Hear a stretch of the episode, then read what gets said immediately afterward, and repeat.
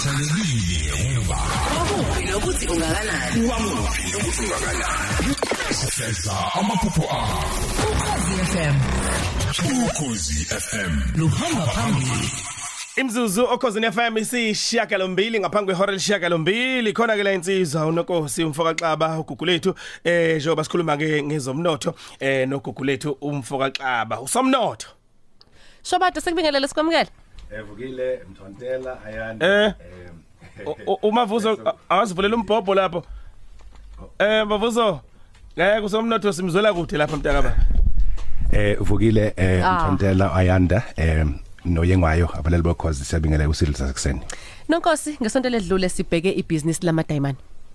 Sibuka ibusiness lamadayimane eh nge- nge- enye lezinda lezi noma yama sectors ama business abantu abaningi abasaba kakhulu nabacabanga ukuthi akude le kanti into engenzeka uma sithatha ithuba sifundisa ngayo. Sabuka futhi ukuthi kwi-industry lenkulukazi eningizimu Afrika esamonopoliziwe kushuthi esabanjwe nje kuphela i- abantu ababodwa. Eh at 3 billion dollars. Ngicabanga ukuthi 3 billion dollars musa kule mali yamanje cishe kubo 45 billion wama rand.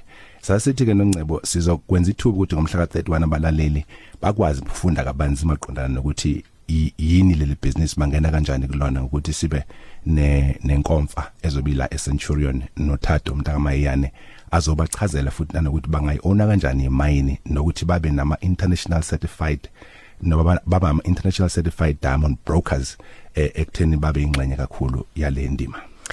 Nonkosi eh sisalelwe amahora awu 23 22 empilini eh ngaphambi kokuthi sonke sithi nje cha siyobeka uX wethu lapha sifisa usu- ukuthi siwufake khona ukuze sikwazi ukuthi sivotele labe sikholelwa ku- kubona.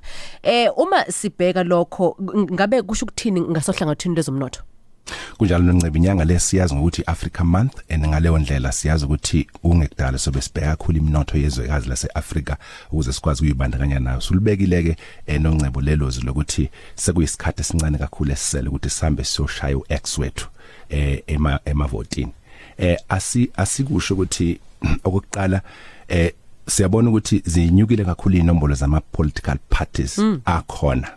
Mawubuka kusuka ngo1994 ayo 19 1999 ayo 16 24 2004 ayo 21 eh 2009 ayo 26 wasekuthi ngo2014 ayo 29 njengamanje sinama political parties awu 48 yeah abantu abaningi mhlawumbe bangayibuza ukuthi kusho ukuthini lokho. Oqala ngicabanga ukuthi ilungelo lethu njengama South Africans ukuthi sikwazi ukuba ne ne- ne- nok- nokuzenzela nokuqala ipolitical party yethu kungabi nankinga ngoba vele ilungelo lethu elisemthetho kumthetho sisekelo. Kodwa ngifuna siyibukele into ngeso lalokho esikubiza phecelezi ngokuthi ipolitical entrepreneurship. Uma ungasibuke la- lamaqembu amaningi ezepolitiki uzobona ukuthi eh ngathi sesifike esikhatini lapho ama ama abantu baya- bayathanda nje ukuthi benze ientrpreneurship noma bosoma business bepolitiki eh kube lula nje ukuqala iqembu lepolitiki mhlambe ukudlula ngisho ukuqala eh i- ibusiness lokhu ke mhlawumbe kungase kube nobuhle nobuba khona uma ungasibuke ekuthenini iziphi izinto abeza nazo ukuzoshintsha impilo eh zabantu? Ngoba khumbula noncebo ukuthi esikwenzayo masijovota suke sithatha ilungelo lethu silinikeza abantu esibathembayo. Ukuthi basiphathele amandla futhi sisuke sibanikeza amandla kwenkulu imali ba- baphatha ama budget ama billions bese beyahluleka ukusenzela lokho esikufunayo abanye. Abanye bakwenze. So umbuzo efasi ibuza wona ngoba impe zobe inkulu kakhulu eh noncebo kusuka manje kuyaphambili eyokuthi kule minyaka emihlanu ezayo bangaguqula inisimo sama Africa ikakhulukazi ekuthenini si sishintshe kulento esiyiyo? Ngoba uyabona imisebenzi yalahleka kakhulu futhi sazolahleka kakhulu. Njoba uzwile eh, amabhangi atha retrencha nemine zithi ziya retrencha eh futhi na- nanomthelelo we fourth industrial revolution kusazoba eh mnzonzo kakhulu manzonzo kakhulu maqondana nezomnotho eNingizimu Afrika. Ama political parties mayengena ke la ethi afuna ivoti lethu thina abahlonishwa ngoba yithi abahlonishwa. Eh yithi fanele yithi ama boss wabo yithi abantu kufanele bezwe ngathi noma sesibakhethile ukuthi bazoqhubeka yini basilalele kuloko kade bebhizi beshela ngakho njengoba kade begijima. Kakhulukazi la kwezomnotho ukuthi bazoyishintsha kanjani indawo yalapha kwamandlakazi tjatha ngakini? Yebo. ukuletha uguquko oluyilo oluzoletha ngempela ukuthi eh, abantu baphume ebubheni bangene emathubeni amakhulu emsebenzi lisho liphinde nonkosi lisho liphinde nonkosi eh ngoba uyabona ukuthi ngempela ngempela ab- ab- ab- abantu ba- ba- balindele ukubona eh ukuthi intuthuko ihamba kanjani. Ade ngibona nje sinye seyithombe siye safaka inkundla zokuxhumana kumanje itaxi libhajiwe lapha beliphusha eh bethi siyavota kodwa kusasa. So uyabona ukuthi yebo khona kusekhona indawo eziningi ezisaselele emuva kakhulu. Esithemba ukuthi ke eh njengoba ke sikhuluma ngezithinta umnotho nje eh mhlawumbe emva kokhetho kuningi oku- okuningi kakhulu uhulumeni eh azokubhekisisa ngoba ushilo ukuthi ezintweni ezithinta umnotho uzongena gxile kuzona ukuze intuthuko ikwazi ukufika kubantu. Nanokuthi tjata kufanele ngempela uyabona engakuzwanga ngesikhathi bekhankasa uh, osopolitiki. Uma ungabuka izinda eziphethe umnotho kakhulukazi lesi esibhekile ezifana nama lezi zibe ama development uh, financial institutions ama OIDC NEF eh ngake ngeza umama ophethe NEF ekhuluma ku launch black industrialist eminyakeni emithathu edlule.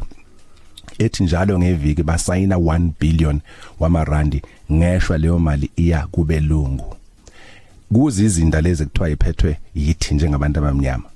Ithala lelo lapho kwaZulu lapho na- na- nanoma uya ku Eastern Cape Development Corporation eEastern Cape noma uya kuyiMega eMpumalanga noma uya kuLimdev lapha eLimpopo. Zonke lezo zinto uma uzobheka ukuthi malini nje siphume kuzo ungabuka ngisho uDTI uDTI uphethe ama billions ezimali. Lezo mali sizo sizobe siyihlaziya ngesikhathi esizayo sibuka ukuthi zingaki imali. Eseziye kubantu abamnyama selokhu saqala eh ukuthola inkululeko. Uzothola ukuthi zincane kakhulu. Namanje uma umgqiqo usazofana nangendlela eminyaka emihlanu noma eyishumi noma ngamashumi amabili edlule kusho ukuthi sisesenkingeni enkulu kabi. Uma singenaba abantu abazothi akushintshi indlela zokuthi ku support abantu abamnyama. Nonkosi siyabonga kakhulu mfowethu ngiyabonga kakhulu futhi mhlawumbe nje ngaphambi kokuthi sikudedele nonkosi office ukuthi axhumane nani siyazi ukuthi yeza inkomfa nina nazo zi- nezinye inhlelo futhi eniba nazo. Office axhumane nani? Ithi inombolo ya WhatsApp 0822522217 amandla omnotho.co.za njengoba sesishilo ukuthi sizoba nayo i i conference yamadayimane bangabe beqala abantu be WhatsApp asobe sesibanikeza imininingwane nje ngakapheleli viki ukuthi zobe kuphi siyabonga. Shwabatha kwazana ukhozi FM umthombo wolwazi umculo phambili ukhozi FM lundizela phezulu hamba phambili